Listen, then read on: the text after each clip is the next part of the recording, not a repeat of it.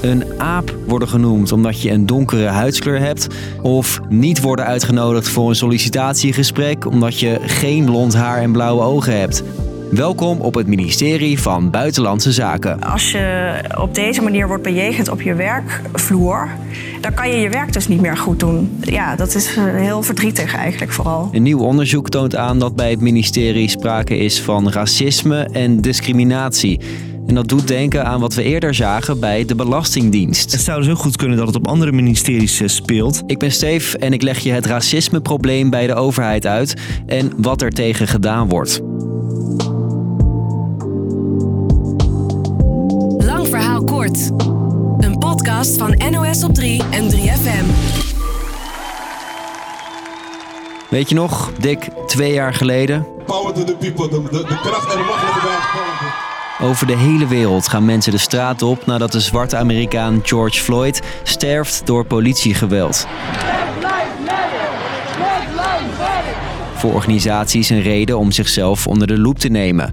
Ook het ministerie van Buitenlandse Zaken begint een onderzoek. Maar er was al veel eerder waren de signalen dat het niet zo goed zat bij Buitenlandse Zaken qua diversiteit. Zegt mijn collega Ewout Kiefiet. Hij is politiek verslaggever in Den Haag. Maar dit onderzoek eh, kwam wel heel hard aan. De conclusie van de onderzoekers? Op veel plekken binnen het ministerie is sprake van racisme en discriminatie. Collega's van kleur voelen zich soms overgeslagen, genegeerd en buitengesloten.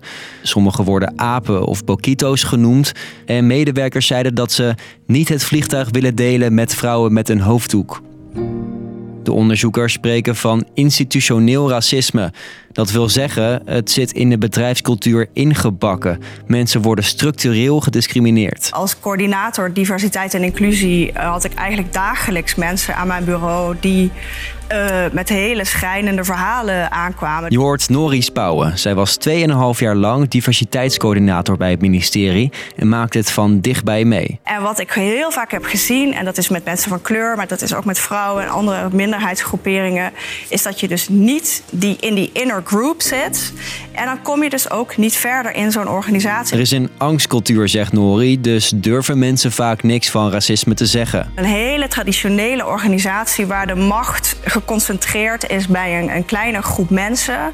Die die graag ook vast willen houden en die ook vooral elkaar mooie plekken toeschuiven. Oké, racisme en discriminatie bij het ministerie van Buitenlandse Zaken dus. Maar dat is niet de enige plek binnen de overheid waar dat speelt. Racistische vooroordelen speelden een rol bij het uitvoeren van belastingcontroles.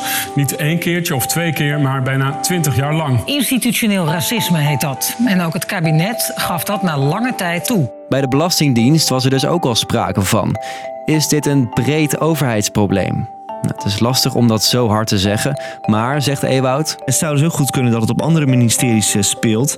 We weten het nu van Buitenlandse Zaken en de Belastingdienst... maar het zou wel heel goed kunnen dat het ook op andere plekken eh, aanwezig is. Meerdere Kamerleden, onder wie Farid Azarkan van DENK... zeggen daarom, laten we meer ministeries onderzoeken. Hij heeft die motie ingediend, die is ook aangenomen om het overal te onderzoeken.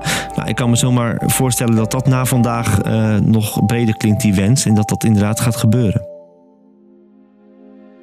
Wat zeker is, veel politici keuren racisme keihard af. Ook nu weer na het rapport over buitenlandse zaken, zegt Ewoud. Mensen noemen het walgelijk, um, uh, stuitend. De Kamerlid van de SP zei ook, het lijkt wel het ministerie van koloniale zaken, uh, wat ooit bestond. Dus ja, dus ze roepen op om, uh, om stevig in te grijpen daar. En ook binnen het ministerie zelf komt dit rapport wel even binnen, zegt minister Wopke Hoekstra. Ik ben ervan overtuigd dat het overgrote deel van de mensen die bij ons werken, dat die dit net zozeer afkeuren als, uh, als ik. Het moet dus anders. Daar is iedereen het ook wel over eens, merkt Ewoud. Ja, er zijn wel uh, bij verschillende ministeries uh, diversiteitsadviseurs of, of, coördinatoren. Dus mensen die daarop letten. En die ook ja, de top van het ministerie adviseren over hoe je de organisatie diverser kan maken. Maar er moet meer gebeuren, beseft het ministerie van Buitenlandse Zaken nu. Ze willen daar de cultuur veranderen en het voor medewerkers makkelijker maken om een melding te doen als ze iets vervelends meemaken. De mensen die zich misdragen kunnen op consequenties rekenen. Als er uh, klachten zijn uh, over specifieke mensen, dan gaan we dat tot de bodem uitzoeken. Maar hoe die cultuurverandering, waar het in de politiek vaker over gaat, er dan moet komen, dat is de vraag. Het gaat misschien wel wat sneller na dit rapport, denkt Ewout. Zo'n onderzoek als vandaag, dat slaat wel in als een bom en zorgt er ook wel voor dat het uh, nou, allemaal op scherp komt te staan.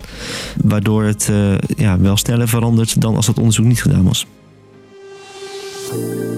Dus, lang verhaal kort. Bij het ministerie van Buitenlandse Zaken is, zo blijkt uit een nieuw onderzoek, sprake van institutioneel racisme. Dat wil zeggen, racisme op meerdere plekken en manieren ingebakken in de organisatie. Dat is zorgelijk en net als op andere plekken binnen de overheid moet dat veranderen, willen ze in de Tweede Kamer en op het ministerie zelf. Het is tijd voor een nieuwe cultuur zonder racisme en met meer diversiteit, zeggen ze. Dat was hem voor vandaag. Morgen zijn we er weer. Doei!